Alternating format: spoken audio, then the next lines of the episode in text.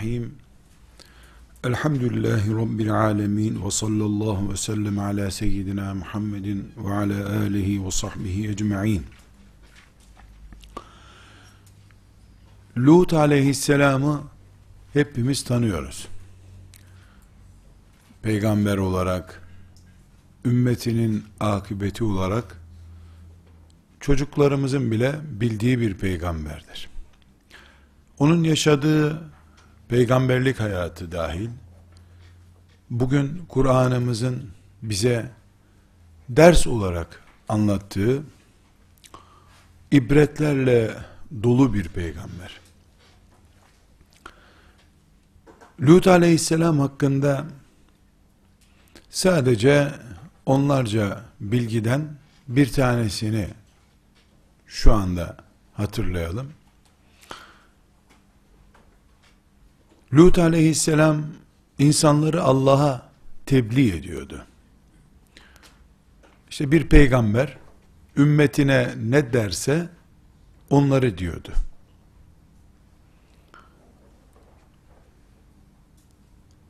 Bir ibretlik nokta bir peygamberin karısı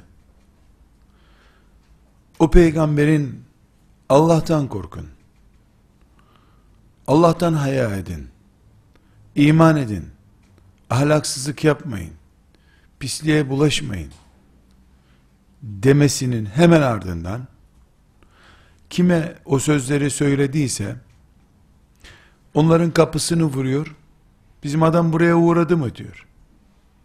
He uğradı diyorlar. Ne dedi size diyor.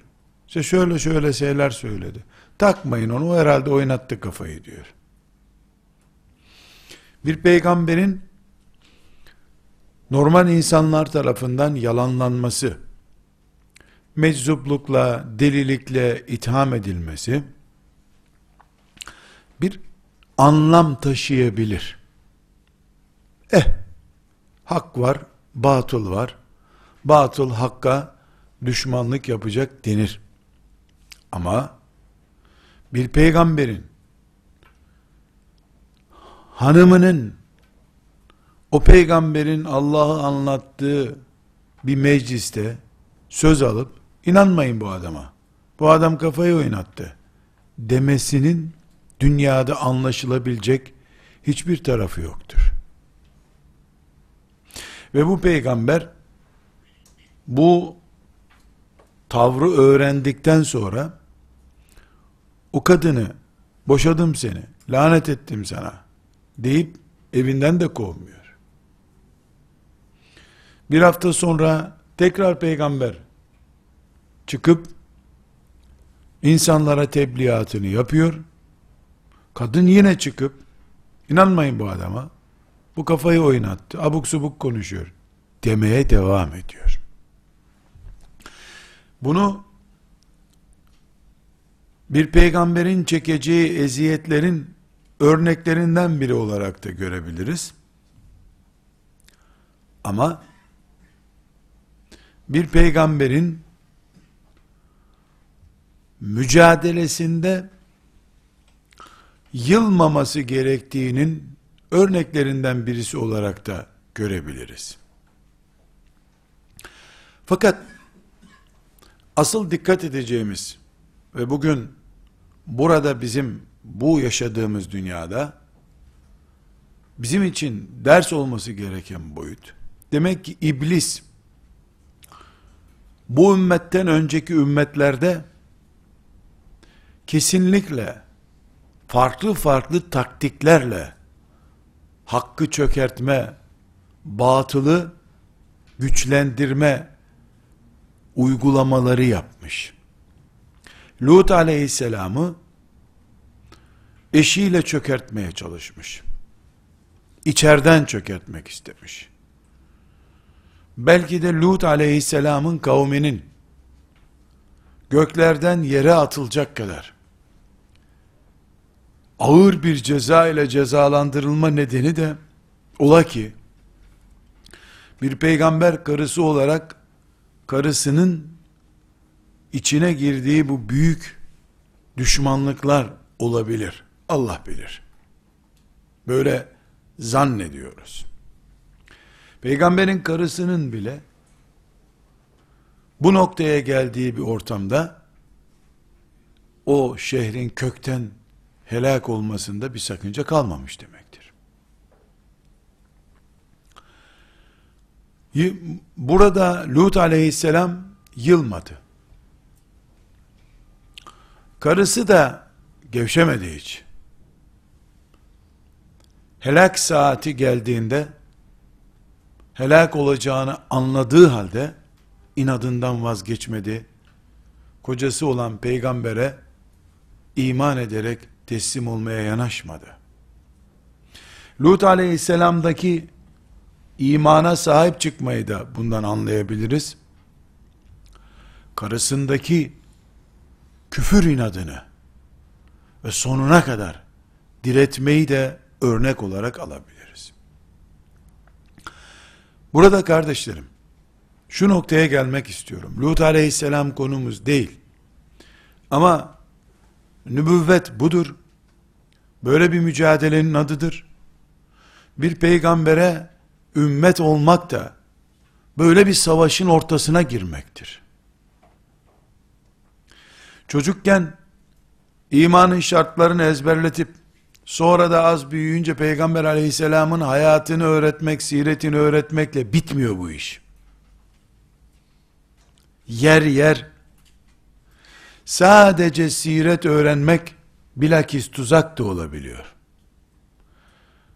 Onun ibadetlerini, cihadını örnek görmedikten sonra sadece Mekke'de doğduğunu Medine'ye hicret ettiğini bilmek Müslüman için tuzağa dönüşebilir. Kıyamet günü sabah namazı kılanlar Allah'tan sevap kazanacaklar. Ümmeti Muhammed'in şerefi için cihad edenler şehit olarak dirilecekler, sevap kazanacaklar. Hicretin ne zaman nereye yapıldığını kıyamet günü söyleyenler ya da meleklerin karşısında Tala'al bedru aleyna diye şiir okuyanlar hiçbir şekilde sırat köprüsünü geçemeyecekler. Hicret üzerine şiir okumak bir ibadet çeşidi değildir çünkü. Onun üzerine Bedirler doğdu. Tala'al bedru aleyna dendi. Senin Bedrin henüz doğmadı. Peygamberlik bir mücadelenin adıdır. Bu mücadeleyi anlayabilenler ve peygamberin mücadelesine kapasitesi ve Allah'ın takdir buyurduğu kader doğrultusunda katılabilenler kıyamet günü peygamberlerle beraber olurlar. Buradan ikinci bir paragrafa geçmem gerekiyor. Bugün Peygamber sallallahu aleyhi ve sellemin mübarek cesedi aramızda yoktur. Rabbine kavuşmuştur. Ama peygamber olarak onun bıraktığı mirası Kur'an ve sünneti içimizdedir elhamdülillah. O gün Lut aleyhisselama yapıldığı gibi Peygamber sallallahu aleyhi ve sellem de Kabe'nin dibinde namaz kılarken hayvan enkazı üzerine atılarak rahatsız edilmek isteniyordu. Ebu Leheb'in karısı Mekke sokaklarında dedikodu yapıp tıpkı Lut'un karısının yaptığı gibi taciz etmek istiyordu. İblis o gün o günkü teknolojiye ve o gün uygun gördüklerine göre taciz yapıyordu. Asırlar değişti. Değişen asırlarla beraber iblisin taktikleri de değişti. Hem de çok değişti. Ahmet bin Hanbel'in sünnetin imamlarından birisi olarak çektiği sıkıntılar iblisin değiştirdiği taktikler yüzündendi. Ebu Hanife'nin rahmetullahi aleyhim cemiyan bir fıkıh imamı olarak siyasete taviz vermediği için çektiği sıkıntılar iblisin taktik değiştirmeleriydi. Resulullah sallallahu aleyhi ve sellem Efendimizin torununun hunharca şehit edilmesi, iblisin binlerce sene izi silinmeyecek yara şeklinde ümmetin içine soktuğu bir bela idi ve o gün için onun penceresinden bakıldığında çok başarılı bir operasyondu. Asırlar ilerledikçe iblis her gün eski mumunu söndürüp yeni bir mum yakmıyor.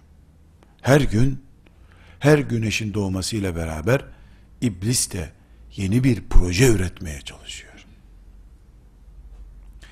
Bugün ürettiği projelerden biri camileri boşaltmak, Kur'an'ı inkar ettirmek şeklinde değildir. Bugün ürettiği proje tartışılabilir bir peygamber üretmektir.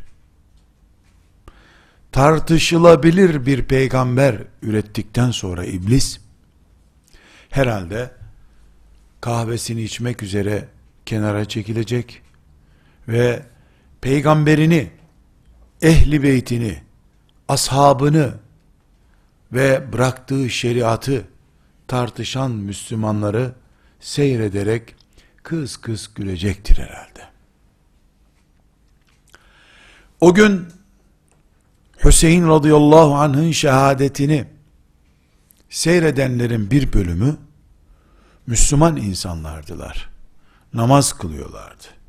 Şehit edenler de güya namaz kılıyorlardı.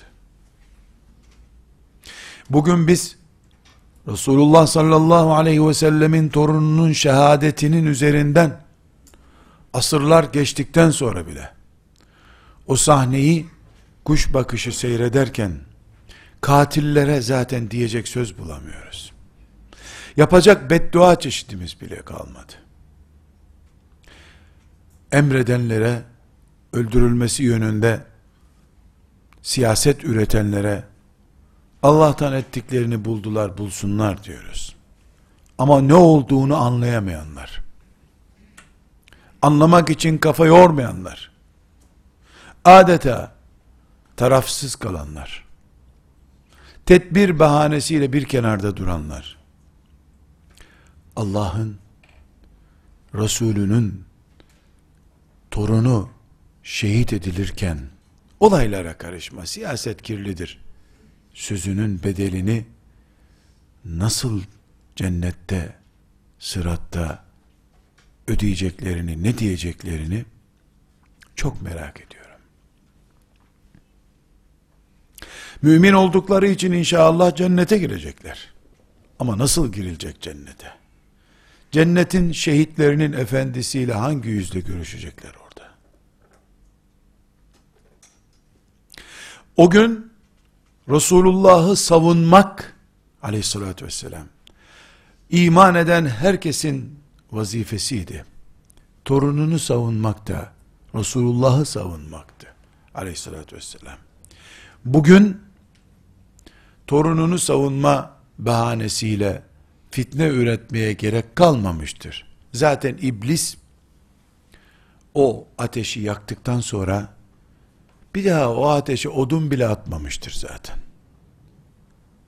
Çünkü o sebeple birbirine düşürdüğü Müslümanlar şu anda zaten o ateşi odunla dolduruyorlar. İblisin özel bir eleman tutup oraya tırlarla odun getirmesine gerek yok o ateş devam etsin diye. Mecusilik ateşi gibi içimizde yaktığı bir ateş olarak onu yakıp duruyor. Bugün iblis teknolojiden de istifade ederek Müslümanların dinlerini öğretecek çocuklarını papazlardan ve hahamlardan batıda ders öğrenmeye gönderdiği zamandan beri iblis zaten sanki işsiz kalmış gibidir. Bu ortamda Müslümanların Yahudilerden ve Hristiyanlardan diploma alıp gelerek din adına konuşan hocalara, akademisyenlere sahip olduğu günden beri Müslümanların kendi içinde fitneleri bir bir çiçek gibi, dikenli çiçekler gibi ortaya çıkmaktadır. Bugün çıkardığı en büyük fitne tartışılabilir peygamber fitnesidir. Bu cümlenin altını çizebiliriz. Tartışılabilir peygamber fitnesi. Allah kendi adına konuşacak peygamber gönderdi. Ona Kur'an indirdi. Onu uğrunda canlar, mallar, topraklar, Mekke bile fethedilir bir peygamber yaptı. Ve yüzlerce seneden beri Müslümanlar onun ismi uğruna toprağa basit bir bitki tohumu gibi gömülmeye razı oldular. En sonunda da Çanakkale'de ciddi bir şekilde buğday başakları gibi toprağa gömüldüler. Ama daha sonra Çanakkale'yi ihdas eden projelerin sahipleri baktılar ki Çanakkale çok masraflı. Okuma yazma bilmeyenler bile Çanakkale'de can verdiler. Daha ucuz, maliyeti düşük faturalı işler getirdiler. Ne getirdiler? Tartışılabilir peygamber. Bu tartışılabilirliği bazen acaba böyle mi demek istemişti diye şüpheler uyandırarak bazen böyle dememiştir. Bu söz doğru değildir diyerek bazen böyle demiş doğru ama e Kur'an'a aykırı. Kur'an'a aykırı olduğuna göre olmaz demişler. Böylece kendi getirdiği Kur'an'a ters konuşan bir peygamberi tartışmaya başlamışlar. Bunlar iki senede, beş senede sonuç vermeyecek şüphesiz. Ama 20 sene sonra İsa Allah'ın oğlu mudur haşa diye tartışan Hristiyanlar gibi Peygamber aleyhisselamın Kur'an'a uyumlu sözleri Kur'an'a uyumsuz sözleri diye kitaplar yazılırsa hiç kimse şaşmasın. O zaman ümmet bir kere daha peygamberin torununu öldürürken katiller bir hikmete binaen sessiz kalmayı yeğleyenler fitneye karışmamak için en büyük fitneye yakıt toplayanlar katiller, sünnet katilleri, Peygamber aleyhisselamın ağırlığını sarsanlar diye gruplara ayrılacak herhalde. Ondan asırlar sonra da geç, geçince elbette Allah peygamberinin bereketini yeryüzünden asla kaldırmayacak. Belki öyle sapık bir taife daha önce batınilik fırkası diye ümmetin topraklarında kasıp kavurduğu gibi, bir değişik batıni fırkası da bu şekilde çıkacak. Ama asırlar sonra, belki de bir asır sonra, bugün benim, Peygamber aleyhisselamın torununu öldürenler, planlayanlar, seyredenler diye, sadece ağlamayı yeterli görenler diye, listeleme yaptığım gibi o günde müminlerin salihleri oturacaklar. Resulullah sallallahu aleyhi ve sellemi tartışılabilir bir peygamber.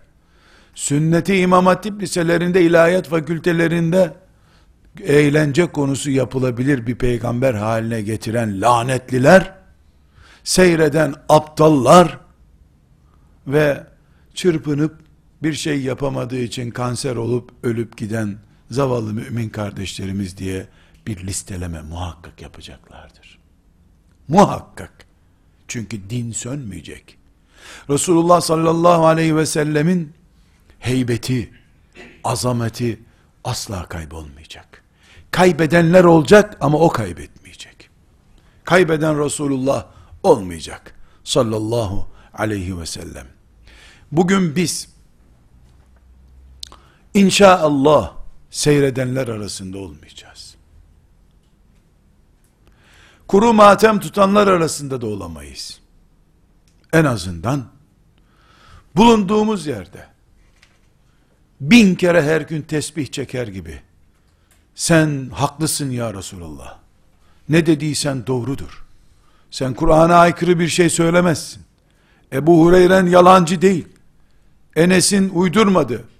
Ayşen yalan söylemedi ya Resulallah. Aklımızı köretsen de, aklımızı yok kabul etsek de, sen doğrusun ya Resulallah diye tesbih çeker gibi bunu sloganlaştırır.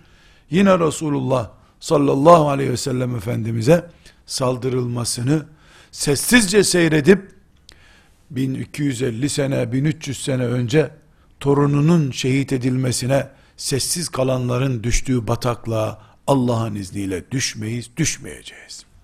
Tartışılabilir bir peygamberimiz yoktur bizim. Bizim peygamberimizi tartışan aklını kaybetmiştir. Eğer dinini kaybetmediyse. Peygamber sallallahu aleyhi ve sellem asla ve kat'a bizden herhangi bir şekilde bu laubaliliği görmeyecektir. Mümin olarak ölmek istiyoruz. Yarın onun şefaatiyle dirilmek istiyoruz. Dolayısıyla bu kadar büyük bir cahilliği yapamayız. Biiznillah yapmayacağız da. Allah'tan temennimiz, niyazımız bize bu kudreti ihsan etmemiz etmesidir. Bizim bu heyecan ve bu ciddiyetimizdeki ölçümüz, örneğimiz de ashab-ı kiramdır. Allah onlardan razı olsun. Hadis-i şerifleri görüyoruz ki, nesil yetiştiren Peygamberimiz sallallahu aleyhi ve sellem, bir kere konuşmuş. Bin kere anlaşılmış dediği ama. Fısıltıyla konuşacak olsa bile, yüksek sesle konuşuyor gibi kulaklardan girmiş. Allah onlardan razı olsun. Ashab-ı kiramın bu heyecanı hepimiz için muhteşem örnektir. Biz burada aşere-i mübeşşereden olanların bile vefat ettiklerinde büyük araziler üzerinde ziraat yaptıklarını görüyoruz. Servet denebilecek mala sahip olarak öldüklerini görüyoruz. Yiyecek ekmek bulamadıkları, bir hurmayı nöbetleşe yalayarak, teselli buldukları günlerden, sadakalarını dağıta dağıta bitiremedikleri günlere geldiklerini ama şımarmadıklarını görüyoruz. Onun için tartışmadı peygamberini hiçbirisi ve muhteşem Müslüman olarak yaşayıp öldüler. Ha Kur'an sulandırılmak istenmiştir. Ha Kur'an'ı getiren Resulullah aleyhissalatu vesselam sulandırılmak istenmiştir onların gözünde. Bugün biz aynı ciddiyetle ve aynı heyecanla Resulullah sallallahu aleyhi ve selleme ve Kur'an'ına sarıldığımız zaman biiznillah bir gün binlerce dönümlük çiftliklerimiz olsa servetimiz romörklerle para olarak taşınacak kadar çok bile olsa helalinden çalışan 5-10 bankamız bile olsa en muttaki mümin olarak cennete bir iznillah arşın gölgesinden girecek insanlar olarak yaşayabiliriz. Ashab-ı kiram yaşadılar. Bunun içinde Peygamber sallallahu aleyhi ve sellemi can kulağıyla ve hayatın bütün alternatifleri için dinlemek gerekiyor. Peygamber aleyhisselamı sadece mescidinde namaz kıldıran, sevi secdenin nasıl yapılacağını öğreten, veya abdestin nasıl yapılacağını öğreten, yalnız bu işi öğreten peygamber olarak görmek, onun muhteşem ve muazzam kimliğine saygısızlıktır. Güneşin sadece dağın tepelerini aydınlattığını, şehirlerin karanlık kaldığını söylemek ne kadar gülünç. Güneşi tanımamak, güneşi sönük görmekse, Resulullah sallallahu aleyhi ve sellemi de tarlalardan, bankalardan, caddelerden, sokaklardan, işhanlarından, uzaydan sadece mescitlere çekmek de güneşin ışığının sadece dağlara yettiğini söylemek kadar akılsızlıktır. Bakarken bir defa Müslüman olarak Resulullah sallallahu aleyhi ve selleme bu pencereden bakmamız gerekiyor. Bu hayatta ne var? Kaç kalem varlık var bu hayatta? Milyon kalem varlık var. Belki daha fazla. O zaman Resulullah bütün bu mevcut kalemlerin hepsinin peygamberidir. Yemek pişirmekten, bulaşık yıkamaya, gömlek giymekten çorap giymeye, konuşmaktan susmaya, hastalanmaktan tedavi olmaya, namaz kılmaktan hacca gitmeye varıncaya kadar. Biz hayatın içinde gözümüzü açtığımızda ne görüyorsak Resulullah sallallahu aleyhi ve sellem odur, onun eğitimini vermiş bir peygamberdir diye iman ederiz. İnşallah bu imanımızla yaşarız Rabbimizin lütfuyla. Bu imanımızla ölürüz. O zaman hayatın peygamberiyle cennette buluşuruz Allah'ın izniyle. Hayatın peygamberi yerine cami peygamberi arayanlar kıyamet günü onu göremeyeceklerdir. Çünkü cennette hayat var, cami yoktur. Cennetin camisi olmaz. Mescid-i Nebi yok orada. Kabe de yok cennette. Minareli minaresiz cami mescit yok artık. Peygamber aleyhissalatu vesselam'ı cami peygamberi diye daraltanlar, onu kutlu diye bir doğum haftasında doğdurup, hemen camiye götürenler, bankalara, sokaklara, caddelere götüremeyenler, ve bu katliamı, Peygamber sallallahu aleyhi ve sellem'i camilere hapis etme, gözetim altında tutma, caminin dışına çıkarmama katliamını, onun hayata yön veren sünnetini, hadisi şeriflerini, onun temsilcisi Ebu Hureyre'yi, Enes İbni Malik'i, Aişe'sini radıyallahu anhum ve onların talebesinin talebeleri olan Buharileri, Ahmet bin Hanbelleri ezerek, sulandırarak, müminlerin nazarında kıymeti az hale getirerek, bu rezil kampanyaya destek verenler, kıyamet günü buluşacak Resulullah göremeyeceklerdir. Aleyhissalatü vesselam. Çünkü onlar camilerde arayacaklardır. Camide yoktur cennette. Cennette bu hayatın yanında hiç sayılacağı kadar canlı bir hayat vardır. Hurileriyle, ırmaklarıyla, yiyecekleriyle, keyfu sefasıyla, cemalullah ile hayat vardır.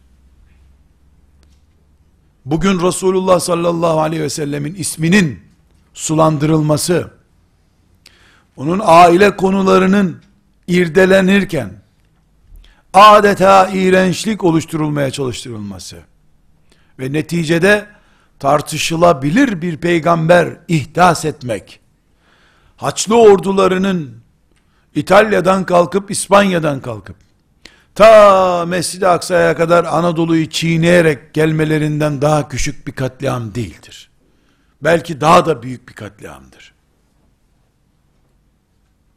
Çünkü Salahuddin Haçlı ordularını ve İngiliz kralını önünde eğip ayaklarını öptürmesiyle bir kafir Selahaddin'in ayaklarına kapandığı için o süreç bitmişti. Şimdi Müslüman olduğunu söyleyen insanlar Resulullah sallallahu aleyhi ve sellemin ismini ve sünnetini onun biricik talebeleri olan Bukharileri, Tirmizileri müminlerin gözünde sulandırdığında kiminle kim savaşacak? Kim kimin ayağına kapanacak? Bu hata düzelsin, bu haçlı fitnesi sona ersin diye bir kaosun içine girmiş oluyoruz. Bugün biz belki şeytanın bu körüklediği fitneye ve ateşe peygamberi tartışılır bir isim haline getirme fitnesine karşı iki gün içinde bu kampanyayı bitirecek kudrete sahip değiliz. Ama Rabbim şahit olur ki, amellerimiz gösterir ki, Enes İbni Malik bir hadisi nasıl dinlediyse, ben de öyle dinlerim. Demişti ki Resulullah deyince hayatı durduran bir sahabi gibi ben de durdururum. Hayata o perspektiften bakarım. Her ne kadar sonuç alamasam da bu dünyada, yarın hayatın peygamberi sallallahu aleyhi ve sellem efendimle hayatın aslının bulunduğu yerde buluşurum. Onun için bağrı yanmış bir mümin olarak şefaatine biiznillah nail olurum. İki şey önemli. Peygamber sallallahu aleyhi ve sellemin isminin sulandırılması, ağırlığının hafifletilmesi kampanyasına karşı, Miracı şöyleydi, Mekke dönemi böyleydi, Mekke dönemi böyleydi, onu bu zaman dememiş olması lazım, bu sözü şu sureye aykırı, bu ayet aykırı kampanyalarına karşı, ümmeti Muhammed'in bugüne kadar getirdiği Müslümanlığı, Kur'an'ı, hadisleri olduğu gibi kabul ederek taraf olurum. Tarafım belli olsun benim. Hüseyin'in katillerinden yana mıyım? Ölsem de Hüseyin'in yanında mıyım? Yanında değilsem de yanında olup ölmeye hazır mıyım? Bugünün Hüseyin'i dedesinin hadisleridir. Bugünkü Hüseyin onlardır. Çünkü dün Hüseyin'e ne yapıldıysa hadislerine bugün aynısı yapılıyor. Nasıl Hüseyin'i şehit etmekle İslamiyet'in kökünü kuruyam kurutamadılarsa, Allah'ın izniyle 500 kişi, 1000 kişi çıkıp hadisleri sulandırarak da İslamiyet'in kökünü kuruyamayacaklar. Bir yara açacaklar. O yara da asırlarca onlara camilerden, medreselerden, tekkelerden sabahlara kadar lanet yağmasının nedeni olacak. Peygamberimizin adını sulandıranlar diye. Merak ettiniz mi hiç? Hristiyanlar arasında ilk defa Allah'ın oğludur bu İsa hangi aptal demişti. Belki de saf tertemiz duygularla bu kadar mübarek bir çocuk ya bu olsa olsa Allah'ın oğludur diye ağzından bir espri kaçmıştı kim bilir. Şimdi 3 milyar Hristiyan İsa Allah'ın oğludur diye bu asırda inanıyor. 2000 senedir de onlarca milyar insan bu şekilde müşrik olarak Allah'a gitti. Kim bilir o espri olarak bunu söylemişti o zaman. Ya Allah'ın çocuğu olacak kadar güzel bir çocuk demişti. Bu fitne bir tohum olarak şeytan tarafından toprağa gömüldü. Hiç değilse 20 milyar müşrik insanın nedeni bu espri oldu şimdi. Buyurun aklımızı çalıştıralım. Müslümanız da biraz da akıl kullanalım. Buyurun. İsa Allah'ın oğludur diye haşa söyleyenler topluca bir kongrede bu kararı almadılar. Bir kişinin esprisi ve sempatisinden kaynaklandı bu. Şeytan onu bulunmaz bir fırsat olarak gördü, cazip hale getirdi. Onun oğlu olunca Meryem'e de Allah'ın eşi diye karar çıktı bu sefer. Onu da öbürü espri olarak yaptı. Aynı şeyi bugün bir Müslüman olarak filanca hadisi şerif çok aklıma uymadı. Hem de millet gülüyor bunu okuyunca. Diyen birisinin 500 sene sonra belki de Muhammed abuk subuk konuşan bir adamdı diyen Müslümanlardan oluşacak belki de İslam'ın bir kısmı. O zamana kadar ve ondan sonra Muhammed Aleyhisselam'ın ismi üzerinde laubali konuştuğu için cehenneme kütük olarak ahirete gitmek zorunda kalan milyonların vebalini kim ödeyecek? Bugün güya akademisyenlik, güya oburlu cuburlu laflarla Müslümanlarlık, Müslümanlıklarında sorun olanlara şirin görünmek için Peygamber aleyhisselamın hadislerini eğirip büyürenler olmayacak mı asıl nedenleri? Ve onları seyredenler bunun günah ortağı olmayacaklar mı? Sadece bir kıvılcım gerekiyor şeytan için. Odunu Müslümana taşıttırır o zaten. Niye odun amallığı yapsın ki?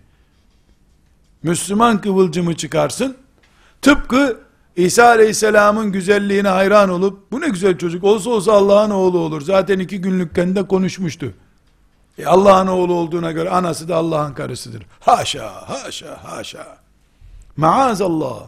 Subhanallahi amma yekulun. Bu ne çirkin bir söz. Ama bunu herhalde o gün dindardı insanlar. O dindarların arasında haşa kafir olmak için söylemedi o. Dindar bir toplumun içinde bu söz ilk defa söylendi. Ama dindar oldukları halde o dili o gün makasla kesmediler. Sen Allah'a nasıl oğul isnat edersin diye. Kesmediler makasla. Kesilmeyen dil bugün 3 milyar Allah'ın oğlu var diyen müşrik insan oldu işte. Kesinlikle dindar da olsalar, elektriği de icat etmiş olsalar, bilgisayarı da icat etmiş olsalar cehennem kütüğü olarak cehenneme girecekler. Ebedi cennete girmeleri mümkün değil. Ebediyen Allah'ın oğlu var diyen hiçbir şekilde cennete giremez. Maazallah. Onun için bugün Peygamber aleyhisselam efendimizin herhangi bir hadisi şerifini haşa biz bir arkadaş sözü gibi çok değerli bir bilim adamının sözü gibi dinleyemeyiz. Allah adına konuşulmuş söz olarak dinleriz. Allah adına konuşulduğu için de iki satırlık bir hadisi için 200 tane tez hazırlatırız. Bundan ne incelikler çıkıyor diye. 500 sene önce bunun hakkında 10 tane kitap yazılmış olabilir. 500 tane de biz yazacağız inşallah diye. Hiçbir anlam çıkmayacakmış gibi görülen bir sözden bile ciltler dolusu düşünceler, tefekkürler üretiriz biz. Üreteceğiz Allah'ın izniyle. Yeni ilim talebelerimiz, medreselerimizde, İmam Hatip liselerimizde, bu gayretle yetişen talebelerimiz, Allah'ın izniyle buna muvaffak olacaklardır. Güneşin doğmasını hiçbir gece engelleyemez. Gece kendine eder edeceğini. Güneşin doğma vakti gelince çekip gitmek zorundadır. İnatlaşan gece sönmeye mahkumdur. Söndükçe de aydınlanacaktır o. Şimdi bu perspektiften bakarak sallallahu aleyhi ve sellem Efendimizin mübarek hadisi şeriflerinden Allah'ın dostları ashab-ı kiramın nasıl anlamlar çıkardıklarına dikkat edelim. Ebu Hureyre radıyallahu anh'tan bir hadisi şerif dinliyoruz. Bukhari'de 652. hadisi şerif, Müslim'de 1914. hadisi şeriftir. Ebu Hureyre radıyallahu anh'ın rivayet ettiğine göre Resulullah sallallahu aleyhi ve sellem şöyle buyurmuştur. Adamın biri yolda yürürken yolda dikenli bir dal gördü. Dalı alıp kenara koydu. Allah onun bu davranışından razı oldu ve onu mağfiret buyurdu. Bu hadisle niye başladım kardeşlerim? Geçen gün yakın günlerde bir sebeple birisinin bir konuşması bana dinletildi. Orada aynen şöyle diyor. Yahu yollarda çalı çırpı yok mu kaldırın cennete girin, kaldırın cennete girin diyor. Bu hadisi kastederek. Ya belediye yollarda çöp bıraktıysa siz kaldırın cennete girersiniz diyor. La ilahe illallah Muhammedur Resulullah. La ilahe illallah Muhammedur Resulullah. Bu ne büyük bir afettir. Hadisi tekrar okuyalım. Onun istihza ettiği hadisi Bukhari ve Müslim'in hadisi olarak tekrar okuyalım. Adamın biri yolda yürürken yolda dikenli bir dal gördü. Dalı alıp kenara koydu. Allah onun bu davranışından razı oldu ve onu mağfiret buyurdu. Belki dal nedir bilmeyeceksiniz. Ağacın kırılmış bir parçası. Geçerken bir hayvan buna çarpar diye düşünmüştür o. Biz ise bir arabanın lastiğini patlatır diye düşünürüz. Bir çocuk ayağına takılır diye düşünüyoruz. Bu hadisi ashab-ı kiram Resulullah sallallahu aleyhi ve sellem'den duydular. Bakın neler anlamışlar. Bir, demek ki sadaka para vermekten ibaret değilmiş. İkinci bir insana faydası olan her şey sadakaymış. Bu adam sadaka kapısından girdiği için Allah bunu mağfiret buyurdu.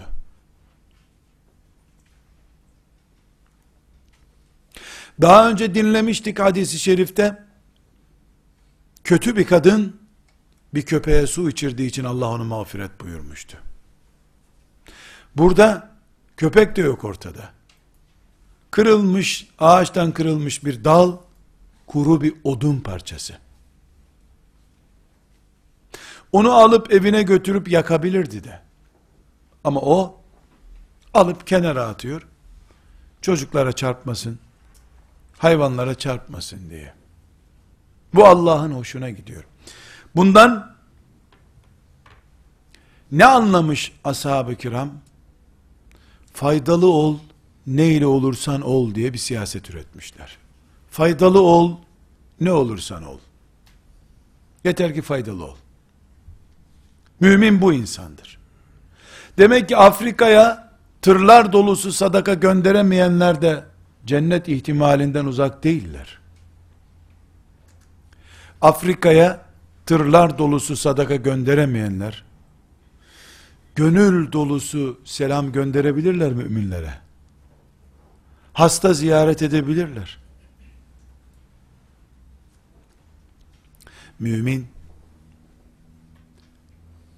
Allah'tan her türlü iyiliği talep eden insandır.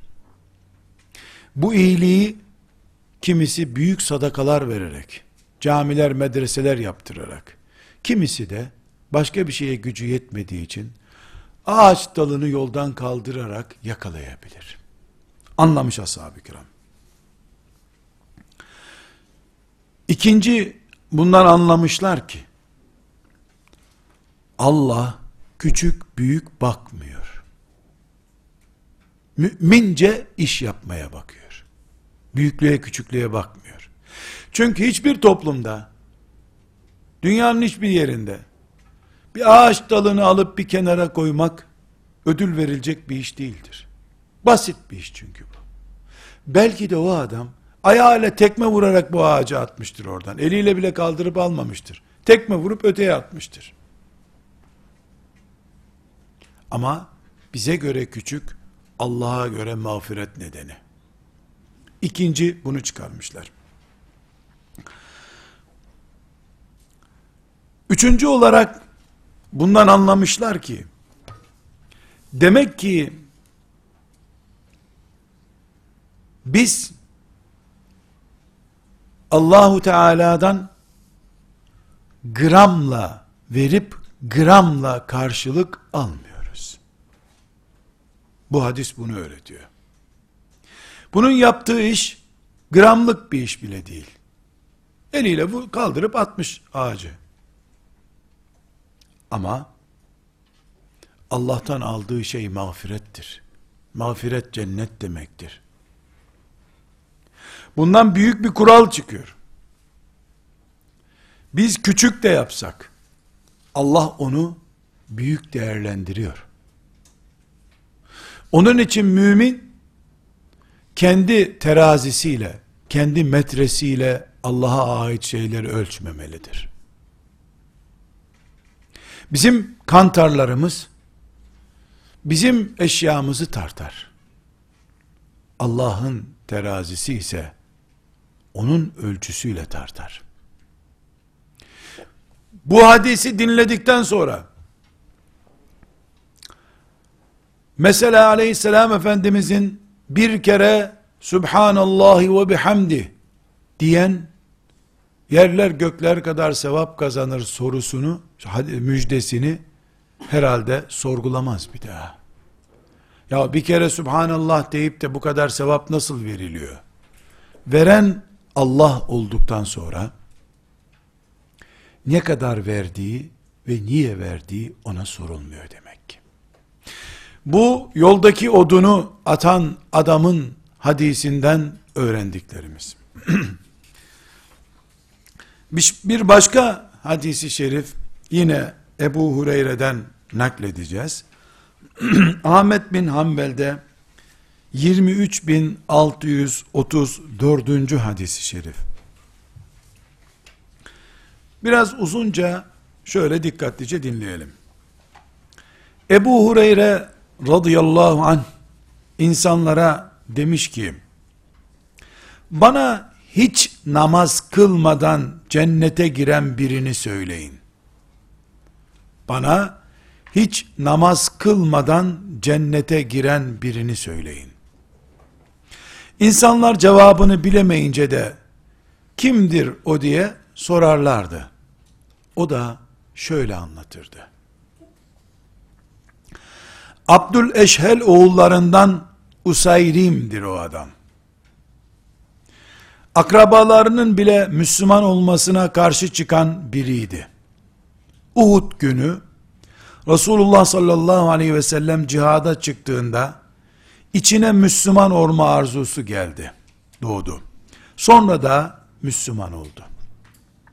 Kılıcını alıp Uhud'a gitti. Mücahitlerin arasına karıştı. Herkes gibi savaştı. Sonunda yaralandı ve düştü. Abdül Eşhel oğulları şehitlerini arıyorlardı. Diğer şehitlerini. Onu gördüler. Bu vallahi Usayrim'miş. Biz onu bıraktığımızda dinimizi beğenmiyordu dediler. Ona neden geldiğini sordular. Akrabaların için mi geldin yoksa Müslüman mı oldun? İslam'a geçtim. Allah'a ve Resulüne iman ettim.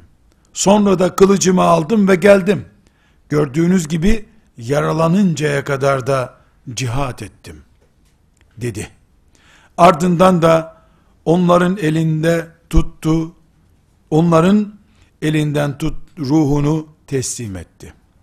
Bu durumu Resulullah sallallahu aleyhi ve selleme anlattıklarında o cennetliklerdendir buyurdu. Abdül Eşhel oğulları Ensar'ın kabilelerinden birisi ya da Ensar diye Medinelilerden birisi Müslüman olmamış, Müslüman olmaya da yanaşmamış, Uhud günü vicdanı onu sıkıştırmış, Resulullah orada savaşıyor sen nesin diye Müslüman olmuş, gitmiş, savaşmış, yaralanmış. Akrabaları, yahu bu Hüseyir'in burada ne arıyor? Bu Müslüman değildi demişler. Son nefesinde onu konuşturmuşlar. Adam Uhud öğle vakti olmuş bitmiş bir savaştır. Öğle namazını kılması mümkün değil oradaydı. Sabah namazında da Müslüman değildi. Dolayısıyla bu zat hiç namaz kılmadı. Şehit olunca da Peygamber aleyhisselam Efendimiz cennetliktir buyurdu. Ebu Hureyre de bunu sloganlaştırmış. Hiç namaz kılmadan cennete giren adam gördünüz mü demiş. Hiç namaz kılmadan cennete giren adam gördünüz mü? Ya ne biçim soru bu diye merak edenlere de bu olayı anlatmış.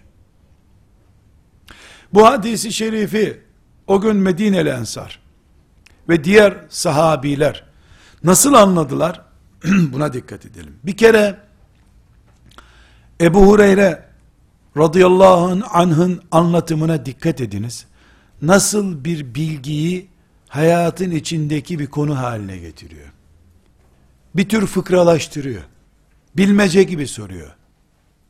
Çünkü Ebu Hureyre'nin gözünde Allah adına ve peygamber adına bildiği şeyler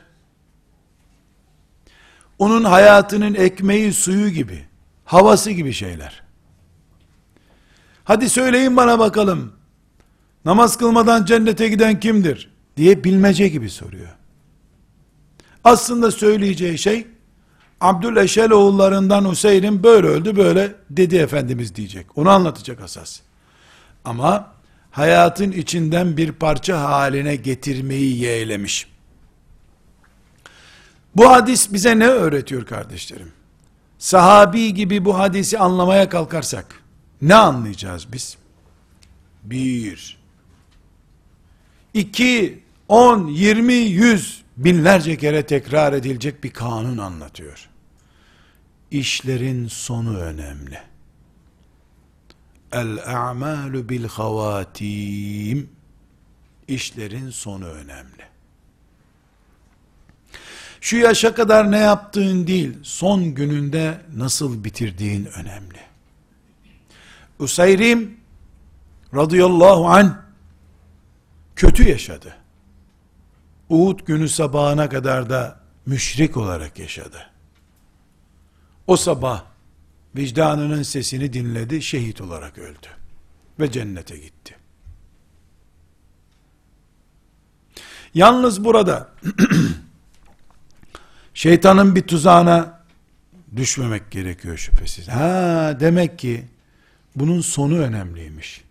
Şimdi hovardalığa devam sonunda inşallah bir şehit oluruz da melekler de görür nasıl gittiğimizi. Bu hiç kimse için gerçekleşmez. Allah kendisiyle böyle pazarlık yapılmasından razı olmaz.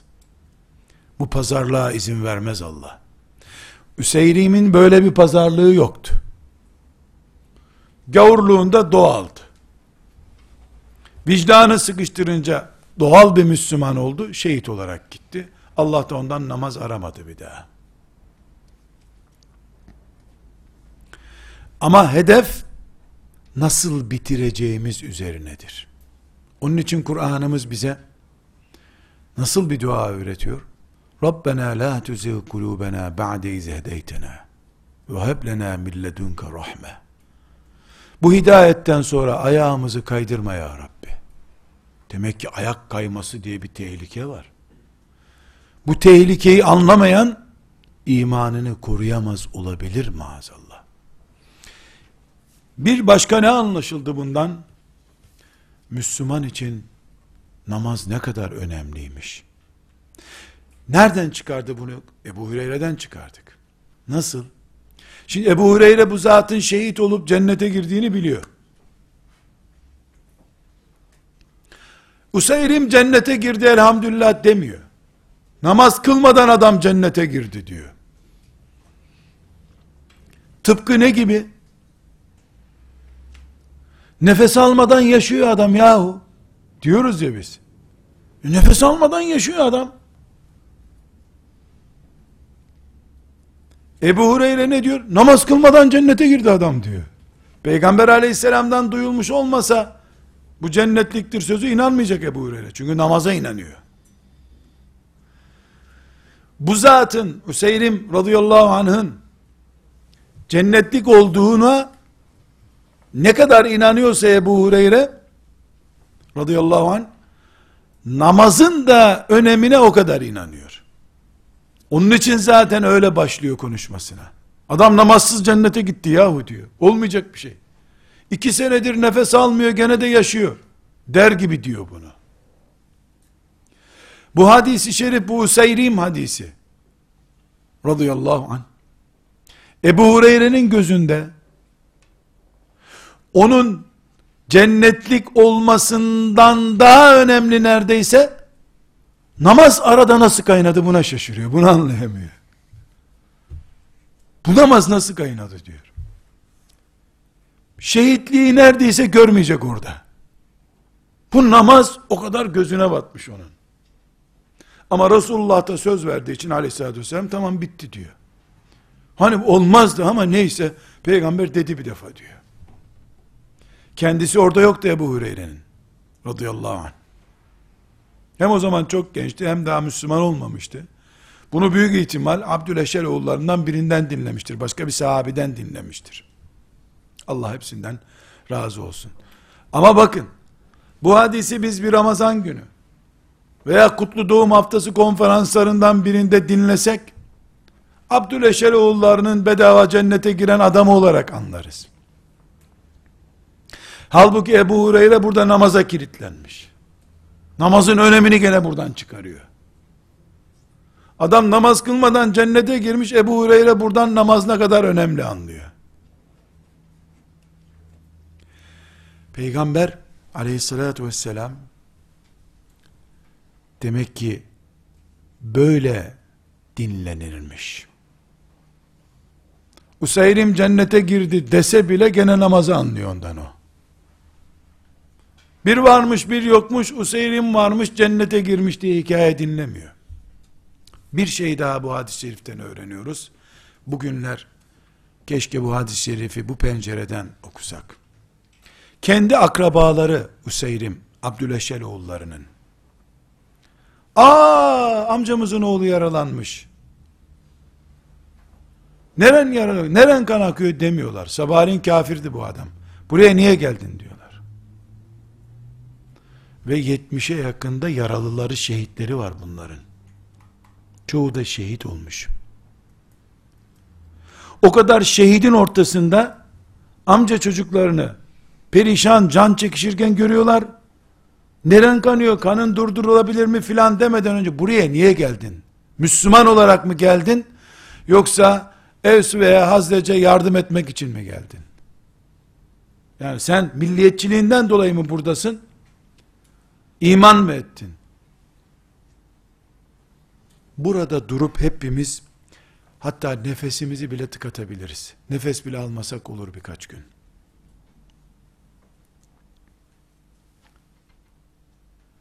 Sahneyi tekrar düşünelim. Uhud'dayız. 70'e yakın şehit var. Bunların çoğu bu Abdüleşer oğullarından. Ensardan şehit fazla yoktu orada. Hamza filan vardı birkaç kişi. Musab, Hamza onlar birkaç şehittiler. O kadar şehidin ortasında işte amca çocukları, dayı çocukları neyse o akrabanın çocuğu onu görüyor. İlk sorusu buraya ne için geldin diyor. E sana ne ne için geldiyse geldi işte bak sizin için vuruştu adam. Hiç önemli değil onun için vuruştu. Niyetin ne sen ne istiyorsun? Allah'ın peygamberine yardım etmeye mi geldin? Yoksa akrabalarına mı yardım etmeye geldin? Yok ben Resulullah'a iman ettim geldim. Yardım, Resulullah'a yardım etmeye geldim. Bağırlarına basıyorlar. Bu, bugün ve kıyamete kadar bütün Müslümanların tefekkür etmesi gereken ince bir çizgidir kardeşlerim. Çok ince çizgi hem de. Bunu bugün anlayamazsak Müslümanlar olarak biz, şeytan bizi çok daha kolay helak edecek gerekçeler bulabilir. Şimdi bu hadisi şerifleri kısaca taradık. Yoldan geçen bir adam bu odun insanlara çarpar diye, hayvanlara çarpar diye alıp onu atmış. Allah onu mağfiret ediyor. Bu zat son anda iman ediyor. Bir saat sonra şehit düşüyor. Resulullah sallallahu aleyhi ve sellem cennettedir diyor. Eğer biz Allah'ın mağfireti nedir? Ne demek mağfiret? Bunu bilmiyorsak bu hadisi de anlayamayız zaten. Maazallah mağfiret umudu, mağfiret heyecanımız yoksa zaten bu hadisi anlayamayız. Allah'ın bir kulu mağfiret etmesi ne demekse bu ağaç dalı bizim için iyi anlam ifade edecek o demektir demek. Hepimiz Resulullah sallallahu aleyhi ve sellemin sünnetine sarılmaya bütün zamanlardan daha fazla muhtacız. İblis de bütün zamanlardan daha büyük projelerle kökünden bu ağacı kurutmaya çalışıyor. Hayır, Allah galip olacaktır. Allah'tan başka galip yoktur. Allah galiptir. Mümin kullar galip geleceklerdir. Resulullah sallallahu aleyhi ve sellemin sünneti ve ismi yıpratılamayacaktır. Ama bu akılsızlıkla helake doğru sürüklenen pek çok insan olabilir, olacaktır da elbette. Bizim tavrımız ve kimliğimiz bellidir. Belli olmalıdır. O şekilde de öleceğiz. Useyrim gibi her ne kadar onun akıbeti çok muhteşemse de Useyrim gibi son anda katılmayacağız. İlk andan itibaren kimin yanında ne için var olduğumuz biiznillah belli olacak. Ve sallallahu ve sellem ala seyyidina Muhammed ve ala alihi ve sahbihi ecma'in velhamdülillahi rabbil alemin. قل إن كنتم